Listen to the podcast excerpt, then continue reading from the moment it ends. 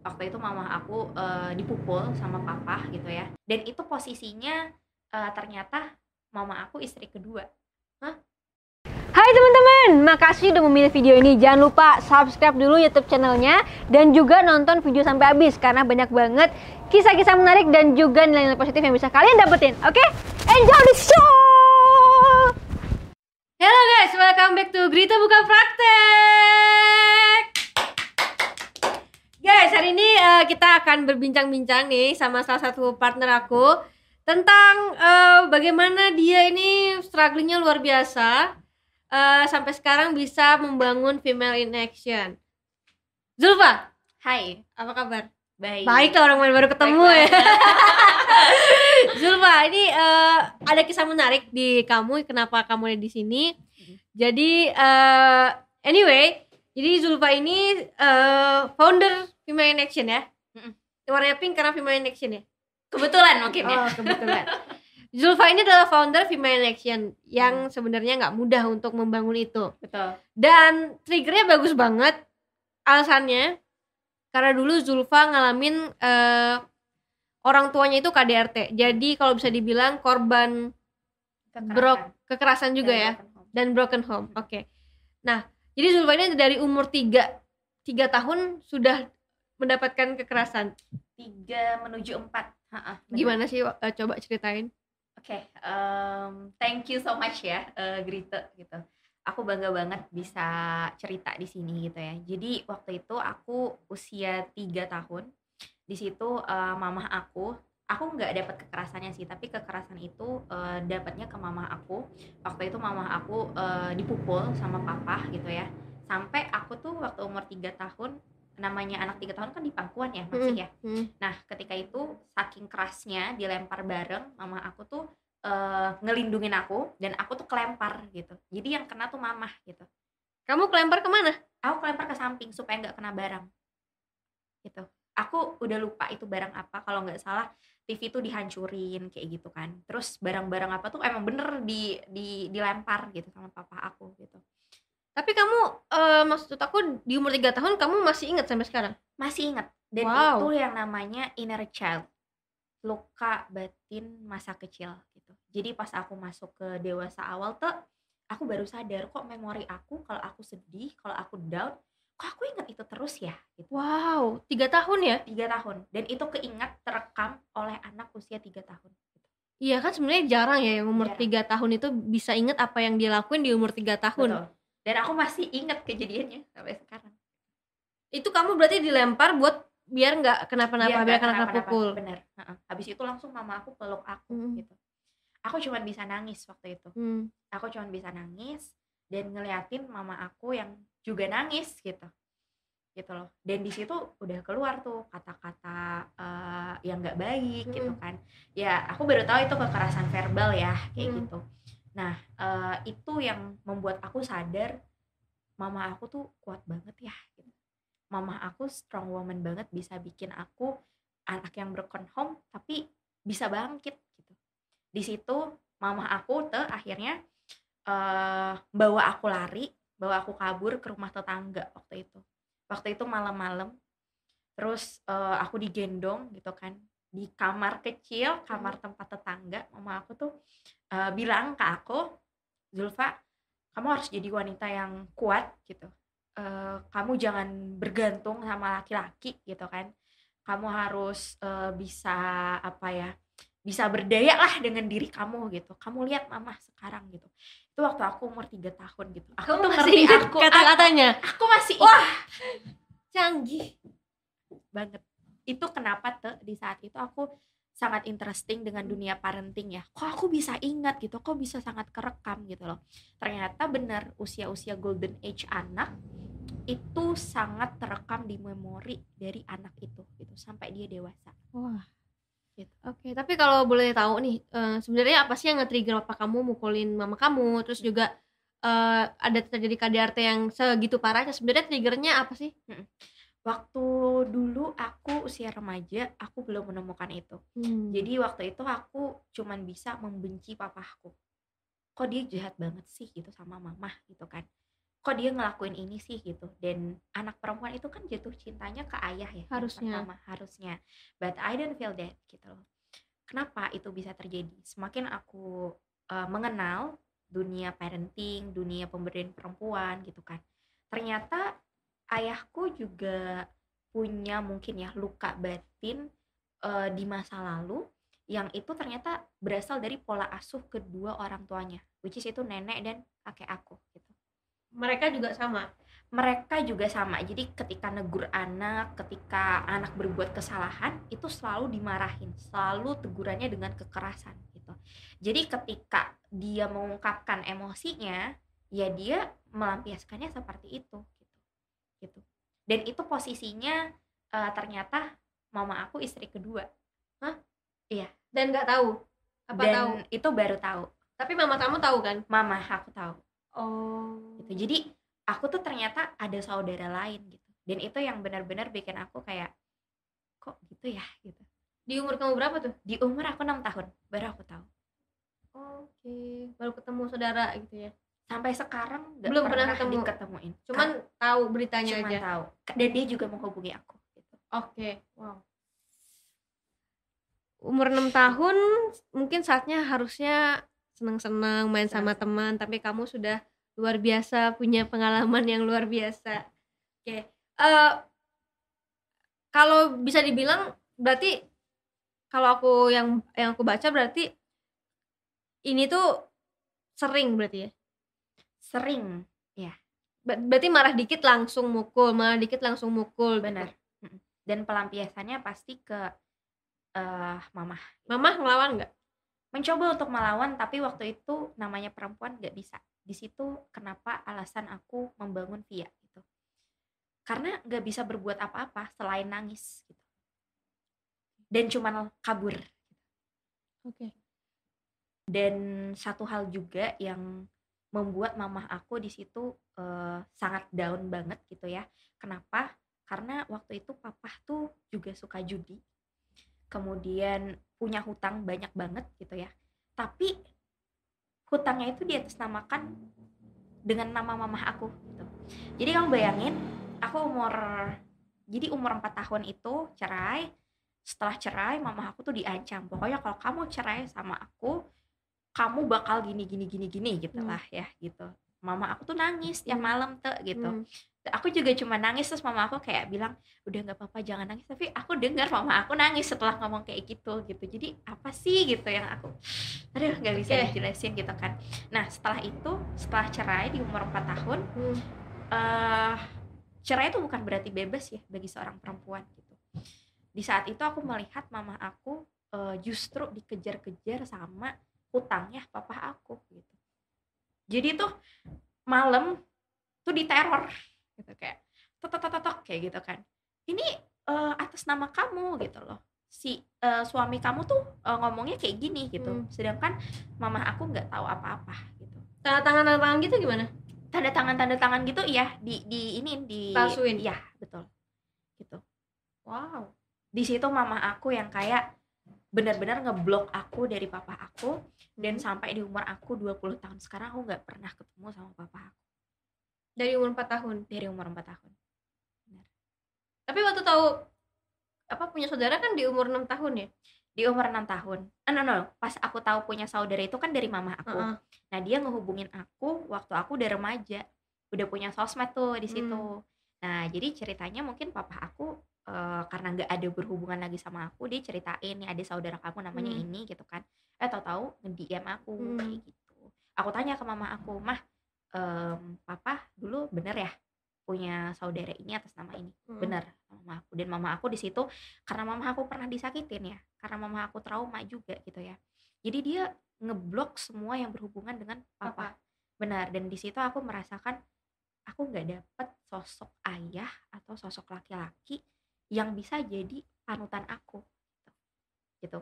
karena uh, satu egois satu juga buat salah gitu kan dan akhirnya aku menyadari kayaknya aku gak bisa nyalahin keduanya deh gitu. hmm. semuanya punya alasannya masing-masing kenapa ngelakuin itu gitu. itu baru sadar di saat umur aku uh, 20 tahun tuh gitu. okay. 17 ke 19 aku masih nyalahin keadaan kenapa sih gue broken home gitu kenapa sih uh, di saat orang yang merayakan ulang tahun ya gitu kan aku enggak Sweet Seventeen ya Sweet Seventeen okay. gitu kan aku aku enggak ada kayak gitu kok malah se apa ya se struggle itu gitu loh jalannya alurnya gitu. Aku dulu bertanya sebagai anak broken kok kayak gitu. Tapi sampai di titik ini aku akhirnya uh, menemukan satu jawaban gitu. Kenapa Tuhan uh, memberikan aku jalan seperti ini? Ternyata ada alasannya. Gitu. oke tapi kan selama dari cerai itu di umur 4 tahun sampai ke umur 20 tahun berarti kan kamu tinggal sama mama aja ya? Benar. Udah maksudnya udah damai-damai aja enggak enggak damai. Masih ada struggle-nya di situ. Jadi uh, pas mama selesai uh, cerai itu kan diteror. Ya diteror. Uh, setelah diteror sudah tuh masuk persidangan apa segala hmm. macam aku ikut tuh waktu wow. itu ke persidangan. Umur lima tahun aku udah ikut mama aku gitu loh. Nah di situ mama aku kayak aku melihat she's very down gitu hmm. loh. Dia sangat down banget.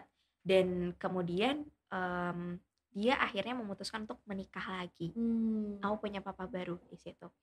Nah, um, namanya mama aku baru selesai cerai, baru menemukan dalam tanda kutip kata bebas hmm. di dalam hidupnya dia karena dia selalu dikekang gitu ya, disalah-salahin gitu ya. Nah, akhirnya uh, mama aku dan suaminya yang baru ini, aku nggak bisa bilang suaminya yang baru ini jahat ya, karena uh, dia yang mendidik aku sampai aku di usia 17 yeah. tahun gitu tapi mama aku salah pilih laki-laki lagi. Hmm. tuh salah pilihnya apa? Jadi yang dipilih ini uh, apa suka dunia malam lah. Gitu. akhirnya mama aku juga kejebak di situ. Oh. Kejebak ke dunia malam gitu. Jadi bukan anaknya yang ikut dunia malam. Tapi orang tuanya. Tapi orang tuanya. Nah uh, akhirnya di 17 tahun berarti kamu mulai kan mulai dewasa juga ya mulai mikir dan dan aku rasa kamu memang uh, dewasa sebelum waktunya ya. Iya benar. Nah itu berarti selama itu kamu kan bisa bangun via nih sekarang nih. Berarti dari situ kamu belajar belajar terus dong? Di sekolah kamu sekolah dengan dengan baik dong ya berarti ya? Iya. Jadi gini waktu aku di usia remaja awal hmm. aku tuh jadi perempuan yang sangat keras. Kayak keras. Pokoknya harus aku very ambitious woman gitu kan aku juga bingung kok aku sifatnya kayak gini banget ya? Gitu kan. Um, dan kayak kayak aku tuh butuh perhatian butuh validation. Tapi karena aku nggak dapet dari orang tua aku aku akhirnya mencari validation itu dengan cara uh, aku mengikuti banyak kegiatan di sekolah kayak gitu. Mm. gitu. Jadi kalau misalkan berprestasi itu kan kita dapat pujian ya gitu kan. Mm. nah itu nggak aku dapetin di keluarga aku gitu. Nah aku dapetnya itu di circle yang positif gitu mm-hmm. teman-teman aku gitu kan yang mm-hmm. muji aku apa segala macam gitu terus akhirnya di saat umur 19 tahun kok aku menyadari ya kok gue butuh validation banget ya hmm. gitu kan butuh pengakuan lah ya. butuh pengakuan banget ya gitu kan aneh tuh di situ tuh gitu kan akhirnya uh, aku coba cari tahu aku coba cari tahu ketemu sama satu orang uh, dia psikolog namanya dokter Herin aku nanya ke dokter Herin e, bu kok saya jadi perempuan sangat keras dan sangat ambisius ya gitu kan. Terus dia nanya kayak gini Zulfa pernah nggak dipeluk sama ayah? Waduh. Aku di situ langsung nangis. Uh, Zulfa anak yang broken home itu punya dua cara untuk membalas dan melampiaskan emosinya. Pertama dia cari uh, pelampiaskan ke hal yang negatif entah itu cari laki-laki gitu kan. Entah itu ke seks bebas atau itu ke narkoba gitu. Dia perlu attention di situ gitu. Yang kedua anak broken home melampiaskan ke hal yang positif. Nah hal positif itu apa? Dia ngelakuin hal yang menurut dia ini mimpinya dia dia kerja keras dia lakuin itu tapi kalau dia nggak achieve itu dia akan sangat down gitu. Dan dia butuh uh, validation dari orang lain. Sampai sekarang kamu coba sadari ke diri kamu gitu maafkan ayah kamu. Dia bilang kayak gitu. Kamu udah maafin aku di situ nggak bisa ngomong apa-apa. Wow. Aku cuman bisa nangis dan kayak nggak bisa. Aku bilang kayak gitu. Keluar tuh sisi kerasnya hmm. aku. Nggak bisa. Aku bilang kayak gitu. Bisa kata dia. Kalau kamu mau tenang kamu harus belajar untuk self acceptance gitu. Memaafkan gitu. Itu di usia aku yang 19 tahun. Nah kenapa aku uh, ketemu sama dokter Herinta waktu itu? Karena aku ngerasain gini uh, Gasani aku ngerasain setiap malam aku tuh selalu nangis. Gue dapat kebahagiaan nih. Gue udah dapat pencapaian yang banyak di hidup gue gitu kan. Kayak kurang apa sih orang tuh kalau ngeliat gue depan layar gitu kan. Hmm. tapi kok gue sering nangis ya gitu. Ada hal yang kayaknya gak beres di dalam hati gue gitu. Dan di saat aku nangis kayak keluar. Otak aku benar. Ya. Memori aku tuh keluar semuanya yang udah kejadian di masa lalu. Yang kayak mama aku nangis, mama aku sakit gitu kan, yang aku juga sakit dan akhirnya aku ngebandingin diri aku sama orang lain, kok kayak gini banget ya hidup aku? Kayak gitu kan di situ aku nggak ngerti itu gitu loh masa-masa aku nyari jati diri gitu. Nah makanya nih ini uh, buat teman-teman semua ketika kita berada di masa dewasa awal sebagai seorang perempuan umur berapa coba? Mungkin umur sekitaran uh, di atas 16 ya guys bisa ya sih. di atas 16 tahun itu masa-masa kita remaja mulai mulai yang cari attention ke cowok gitu ya. Kita uh, di situ adalah harusnya berkeluh kesah dan mencari sahabat itu kalau nggak ke saudara laki-laki kita ke ayah kita. Kenapa? Karena di situ kita mulai uh, ingin disayang ingin dibimbing gitu ya. Ingin perempuan tuh uh, ingin diarahkan yeah. gitu ya. Di saat itu aku nggak nemu.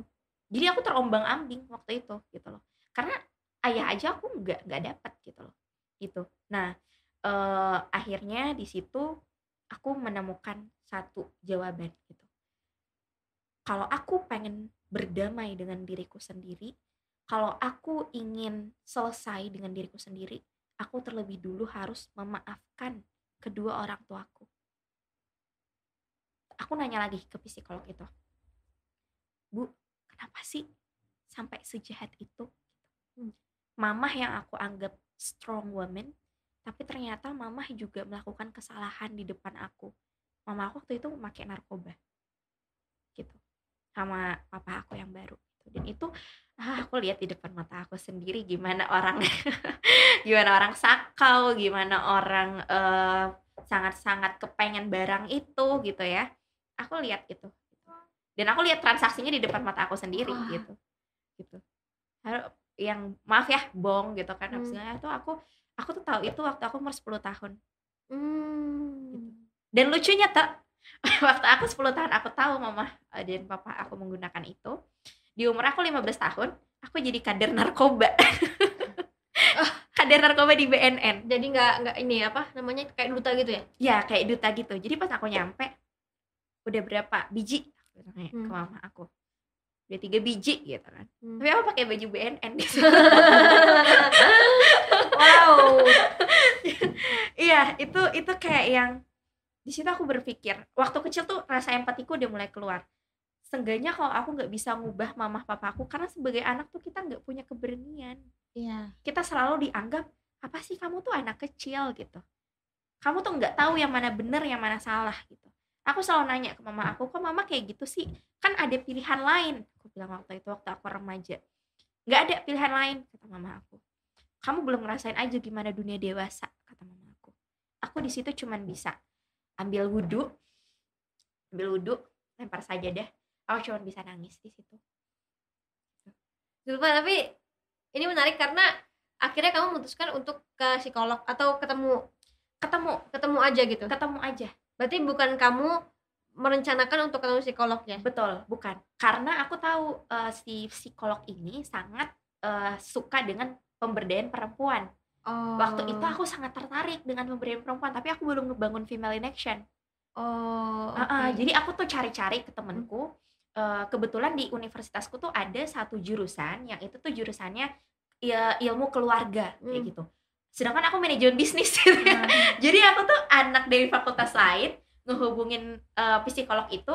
Psikolog itu nggak kenal sama aku, tapi aku sangat interesting gitu. Jadi aku datang tuh ke ruangan dia aku cerita gitu kan oh, bu aku tuh punya mimpi buat bangun ini bangun ini kenapa sih kamu kepengen banget bangun itu kata mm -hmm. dia gitu kan nah mulai tuh terkuak ya oh, mulai tuh aku oh, cerita oke okay. berarti tapi sebenarnya ini juga uh, edukasi ya mungkin buat teman-teman uh, yang ngerasa kok tiap malam nangis terus Bener. gitu kan pengen ada apa padahal dia nggak tahu nih kenapa ya? Masalahnya nggak tahu kenapa apa. ya kok gue nangis terus bener. gitu kan nah mungkin itu boleh ke psikolog kali ya benar benar mungkin itu Gasani bisa menjelaskan kali ya kenapa harus ke psikolognya gitu temen aku barusan kemarin oh ya uh, curhat dia tiap malam dia nangis tapi dia nggak tahu kenapa benar bebas, Gasani bebas. Salbi jadi ini Gasani Salbi panggilnya Salbi uh, Salbi ini adalah konselor di Vima in Action ya jadi PIC-nya lah ya. Benar, leadernya lah. Leadernya iya. ya.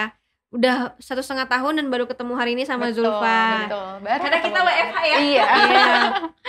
Oke, okay, uh, eh, kamu kayaknya walaupun masih uh, ambil S2 tapi kamu hatinya udah psikolog banget nih. Amin, ya.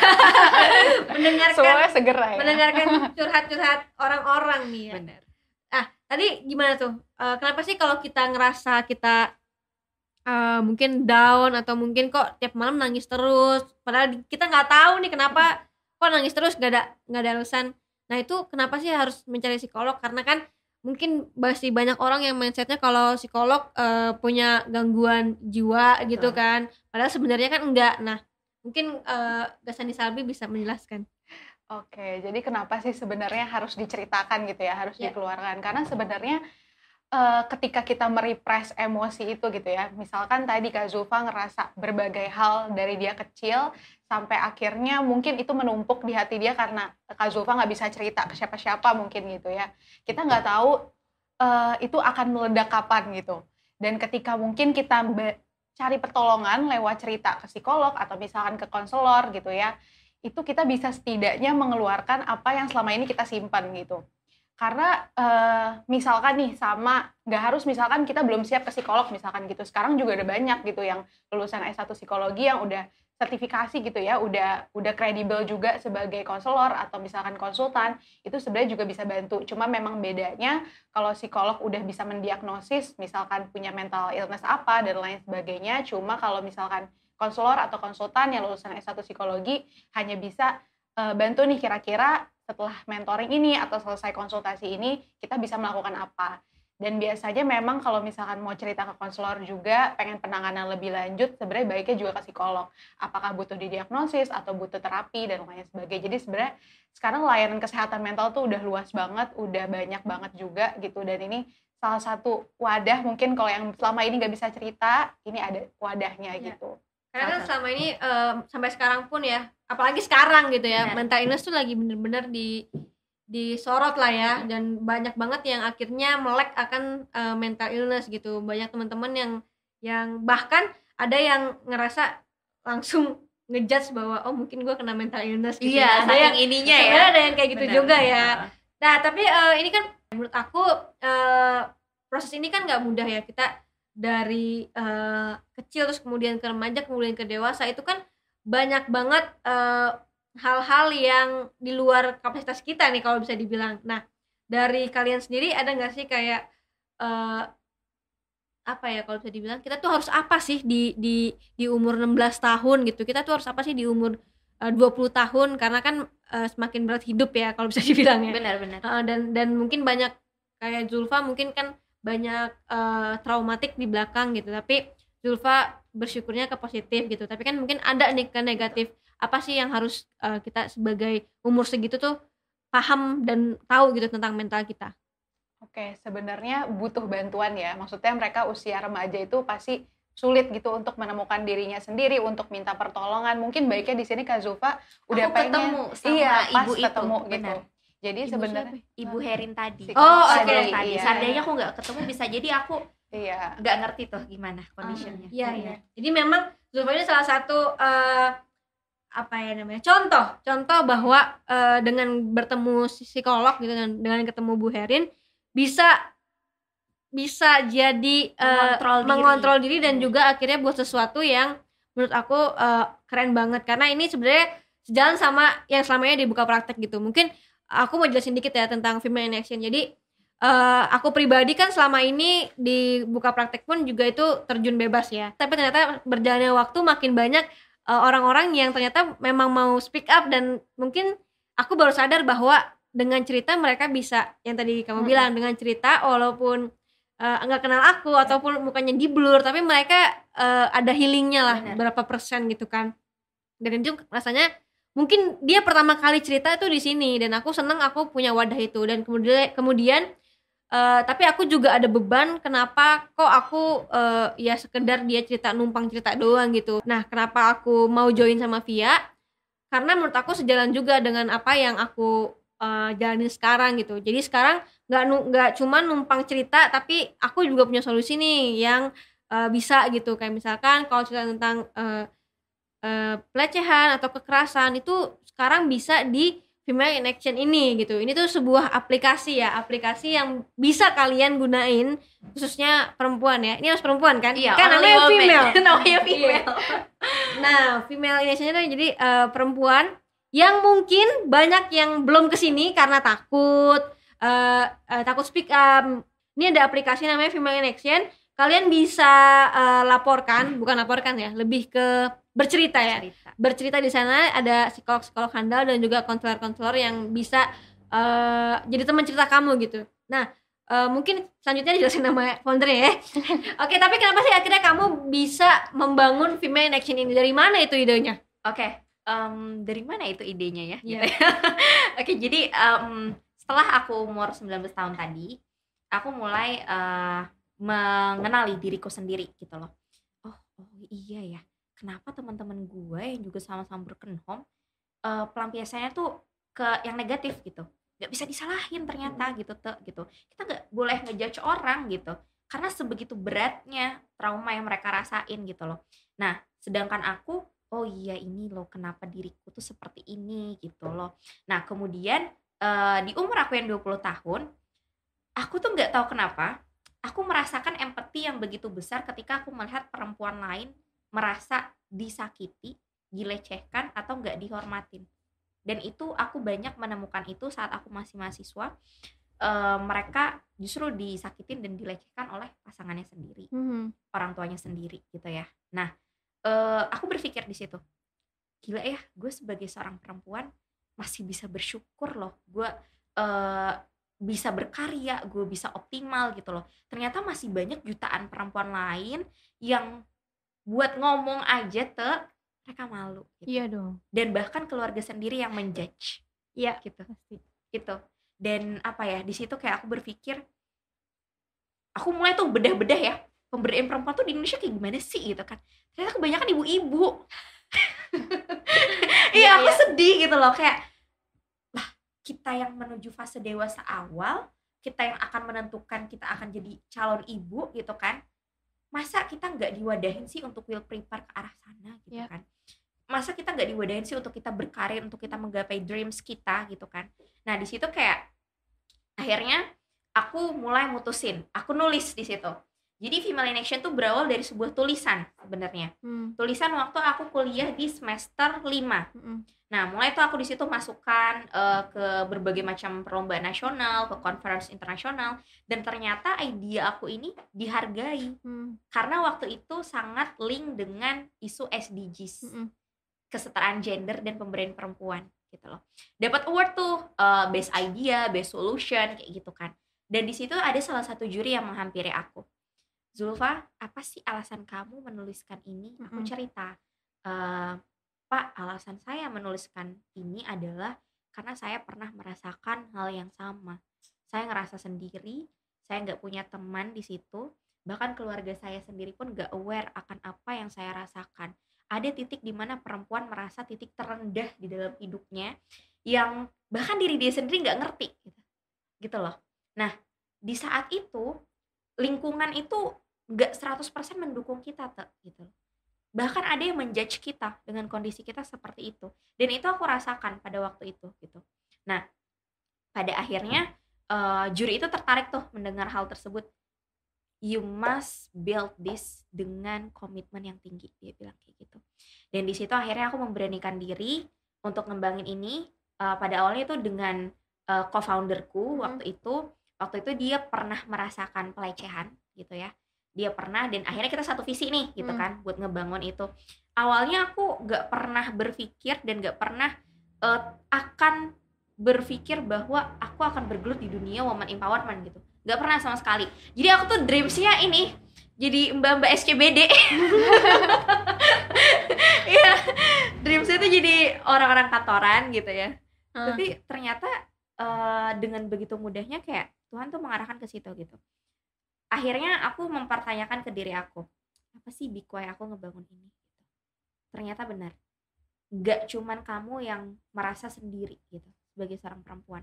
Ada banyak banget gitu. Dan ketika aku ingat mamah aku waktu itu mendapatkan kekerasan itu dan aku waktu itu kecil kita nggak bisa ngelakuin apa-apa kita nggak bisa melapor gitu ya. Boro-boro ngelapor kita ngomong aja mungkin orang nggak akan percaya. Hmm. Gitu. Yang ada kita cuma bisa nangis gitu. Mama aku waktu itu cuma bisa nangis di di kamar kecil gitu sambil ngerangkul aku gitu. Nah situ aku berpikir kita tuh deket loh sama teknologi gitu. Kita tuh deket loh sama sosial media gitu. Kenapa teknologi ini gak kita jadiin sebuah inovasi untuk memberdayakan perempuan muda untuk bisa menjadi teknologi yang fleksibel, cepat, yang kita tuh jutaan perempuan, mau kamu di Kalimantan, di Sumatera gitu ya, di ujung sana pun kita bisa terkoneksi satu sama lain gitu. Dan banyak perempuan-perempuan keren yang dia sebenarnya mau membagikan ilmunya kepada perempuan yang lain gitu.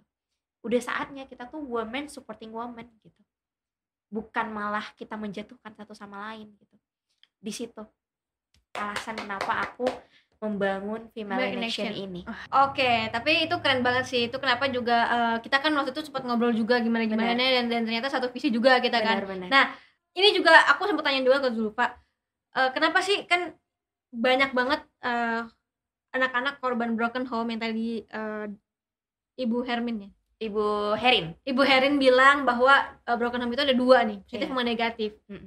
Ada beberapa yang langsung aku juga bilang uh, yang dia yang ke negatif kayak misalkan uh, narkoba tadi atau bener, bener. Uh, seks bebas atau laki-laki uh, ya. Yeah. Nah, tapi kamu bisa nih ke yang positif apa sih yang yang bikin bener. trigger kamu kok bisa ke positif gitu? Oke. Okay.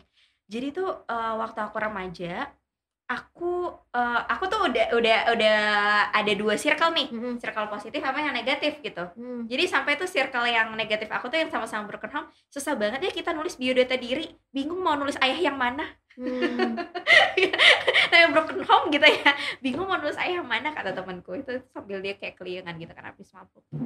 Nah terus uh, aku di situ berpikir kalau misalkan uh, orang tua aku gagal dalam sebuah hubungan, dalam sebuah pernikahan dan anaknya merasakan luka gitu ya. Aku tidak boleh menjadi orang tua yang seperti itu. Gitu. Aku di situ melihat banyak kok keluarga yang baik gitu. Banyak kok keluarga yang bisa meng apa ya, mendidik anak-anaknya menjadi optimal gitu. Mungkin keluarga aku memang jalannya seperti ini gitu. Tapi di situ aku masih bertanya. Akhirnya aku mempertanyakan kepada kakak kandungku. Hmm kakak kandungku itu bagi aku ya aku kan anak bungsu ya tak ya. Bagi seorang anak bungsu yang akan menjadi role modelnya adalah kakaknya gitu. Jadi di sini teman-teman yang menjadi kakak kalian adalah strong uh, human ya di mata adik kalian ya. gitu. karena kalian yang akan dilihat pertama kali oleh adik kalian di saat orang tua kalian berbuat kesalahan kayak gitu. Di situ aku nanya ke kakakku kak kenapa sih kita kayak gini banget? Aku bilang kayak gitu kan kenapa aku harus ngelihat hal-hal yang kayak gitu? Aku bilang kayak gitu kan. Zulfa kita nggak bisa milih terlahir dari keluarga yang seperti apa. Tapi kita bisa milih mau menjadi anak yang seperti apa dan membangun keluarga yang seperti apa di masa depan. Tuh, aku di situ langsung nangis.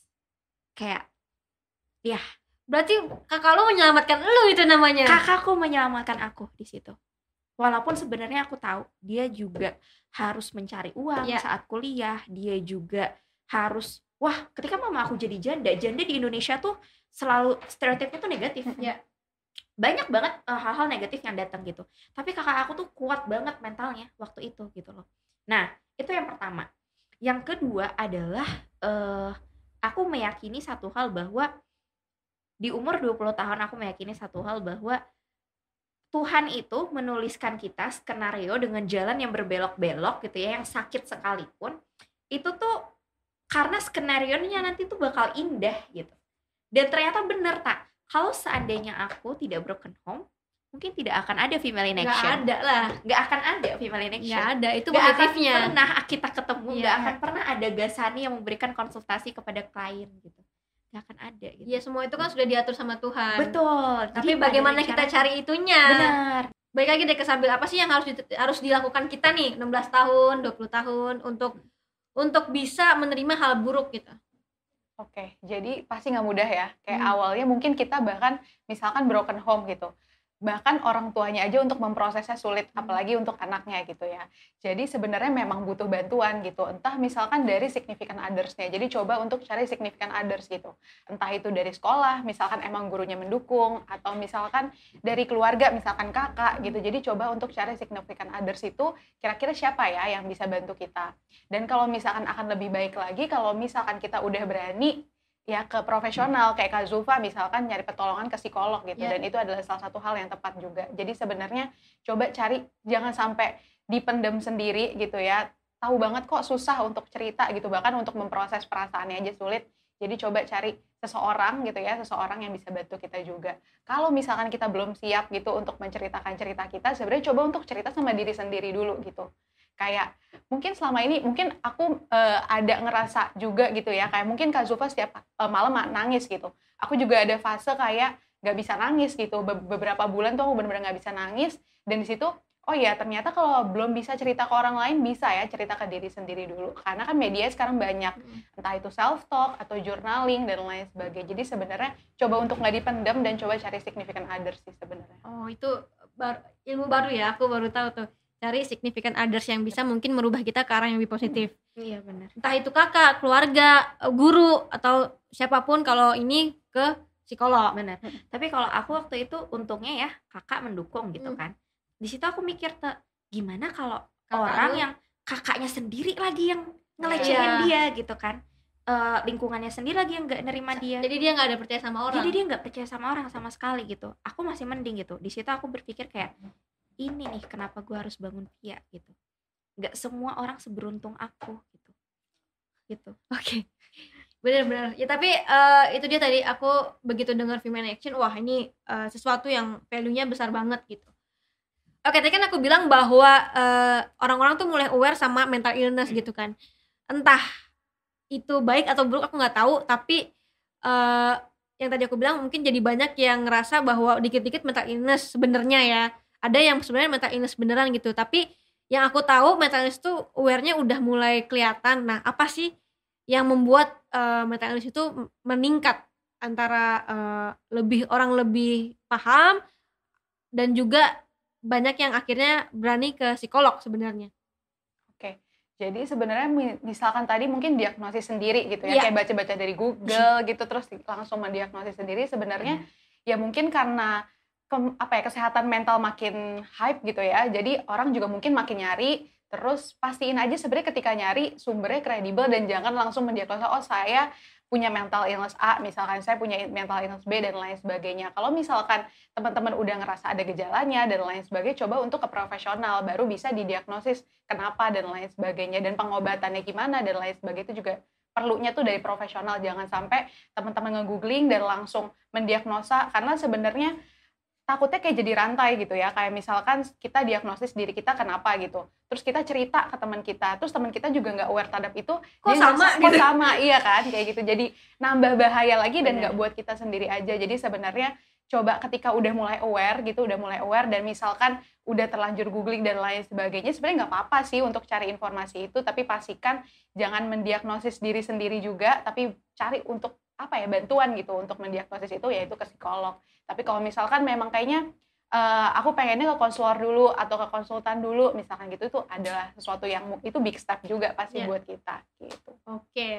Oke, okay, nah uh, kalau tadi kan tentang mental illness nih, tapi kalau tentang broken home kan banyak ya orang yang bilang aku broken home, aku yeah, korban broken home. Tapi padahal mungkin orang tuanya cuma suka berantem adu mulut. Nah, sebenarnya apa sih yang bisa dibilang uh, anak itu korban broken home? Oke. Okay. Jadi sebenarnya setiap orang memproses pengalamannya beda-beda gitu ya. ya. Jadi uh, mungkin misalkan belum bercerai gitu, hmm. tapi di rumahnya dia nggak ngerasa kedamaian, nggak ada harmonis dan lain sebagainya, mungkin aja dia merasakan hal yang sama juga sama or, uh, orang anak yang uh, orang tuanya bercerai gitu. Jadi sebenarnya nggak ada yang bisa disalahin ketika ya uh, lo kan belum ngerasain orang tua lo bercerai lo masih ada orang tuanya dan lain sebagainya. Tapi mungkin aja di rumah itu dia nggak menemukan kasih sayang atau misalkan justru nggak pernah ketemu sama orang tuanya itu kan bentuk rasa sakit yang berbeda gitu ya. Jadi sebenarnya bisa dikatakan mereka sakit kayak gimana sebenarnya balik lagi ke orangnya proses oh, kehidupannya kayak gimana. makanya ada yang bilang ya bukan berarti apa kamu nggak bercerai tapi nggak broken home juga iya, gitu. Iya, iya. Berarti broken broken home kan bukan cuman uh, cerai itu itu, itu baru broken home gitu, hmm. tapi yang tadi uh, kayak kalau kita nggak ketemu kedamaian di rumah gitu kita hmm. lebih senang di luar hmm. uh, mungkin juga ada yang orang tua sibuk kerja jadi nggak hmm. mikirin anaknya sama sekali itu juga bisa uh, disebut bisa merasakan sakit iya, yang nah ya. itu tinggal kitanya sendiri diagnosa seperti apa tapi kan nggak yang yang hmm, pasti kan tentang hmm. broken home oke okay, terakhir pertanyaan terakhir nih uh, sekarang karena ada media sosial uh, Instagram dan segala macam banyak banget orang-orang yang akhirnya bercerita di media sosial di Instagram Stories tuh uh, khususnya gitu terus ada juga yang mungkin menegur orang berantem di sana sesama stories ketemu juga belum tapi berantem nah menurut uh, Salbi sendiri itu kenapa sih bisa kayak gitu sekarang Oke, karena mungkin ada medianya gitu. Yes. Sesimpel itu kayak ada medianya, ada mungkin selama ini yang dia simpan juga terus akhirnya oh ini ada medianya gue bisa ngeluarin ini. Jadi itu akhirnya dia ceritain semua dan lain sebagainya. Cuma balik lagi sih sebenarnya mungkin kadang-kadang orang nggak tahu ya apa yang bisa dia kontrol dan nggak bisa dia kontrol. Dan mungkin aja dia melakukan head speech dan lain sebagainya karena ya udah dia merasa bisa mengontrol orang lain. Padahal yang dia bisa kontrol itu diri sendiri. Jadi ketika kita lupa mana yang nggak bisa kita kontrol dan mana yang nggak bisa yang bisa kita kontrol akhirnya mungkin aja kayak gitu gitu sampai akhirnya dia melupakan oh ya ternyata harusnya fokus ke yang bisa saya kontrol itu diri saya sendiri. Sebenarnya itu sih karena ada medianya juga mungkin karena ada kebebasan berpendapat dan lain sebagainya jadi bisa orang-orang ya udah tertrigger untuk ngomong kayak gitu di media sosial. Sebenarnya kayak gitu. Iya sebenarnya itu tergantung kitanya juga ya. Hmm. kan ada juga yang aduh apaan sih? Masa di sini? Yeah, tapi itu jadi sebenarnya udah karakter pribadi orang gitu ya. Ketika dia mencetakkan di media sosial itu artinya mereka ya hak-haknya mereka hak-hak mereka gitu. dan dan menurut gue itu adalah salah satu mereka untuk ya tadi berceritanya di media ya. sosial ya. gitu bukan bercerita ke temen gitu oke kalau gitu nah uh, thank you banget nih cerita-ceritanya seru banget nanti kapan-kapan datang lagi kita bahas-bahas yang lain lagi dan sekali lagi aku ingetin kalau uh, Zulfa dan aku ada sebuah aplikasi menarik untuk kalian para perempuan namanya Female in Action Nah, salah satu fitur di via Female in Action itu adalah via care, di mana perempuan-perempuan itu bisa ngelapor. Nah, tapi jangan salah paham nih, ngelapornya itu bukan langsung ke polisi ya. Kita bukan menghubungkan Anda dengan polisi gitu kan, tapi lebih ke konselor uh, benar, benar. yang uh, paham akan emosional dan lain-lain gitu. Jadi uh, kalian bisa uh, paling enggak healing dengan orang-orang yang profesional hmm. gitu. Iya, jadi uh, mekanisme dari via care itu sendiri jadi nanti teman-teman bisa cek di websitenya Female in Action itu udah lengkap juga ya tak ya nah jadi teman-teman uh, tinggal download aplikasi kita kemudian bikin laporan di situ. Nah laporan itu 100% aman. Kenapa? Karena kita menggunakan kode etik psikolog di sana dan kita juga ada SOP khusus tak gitu.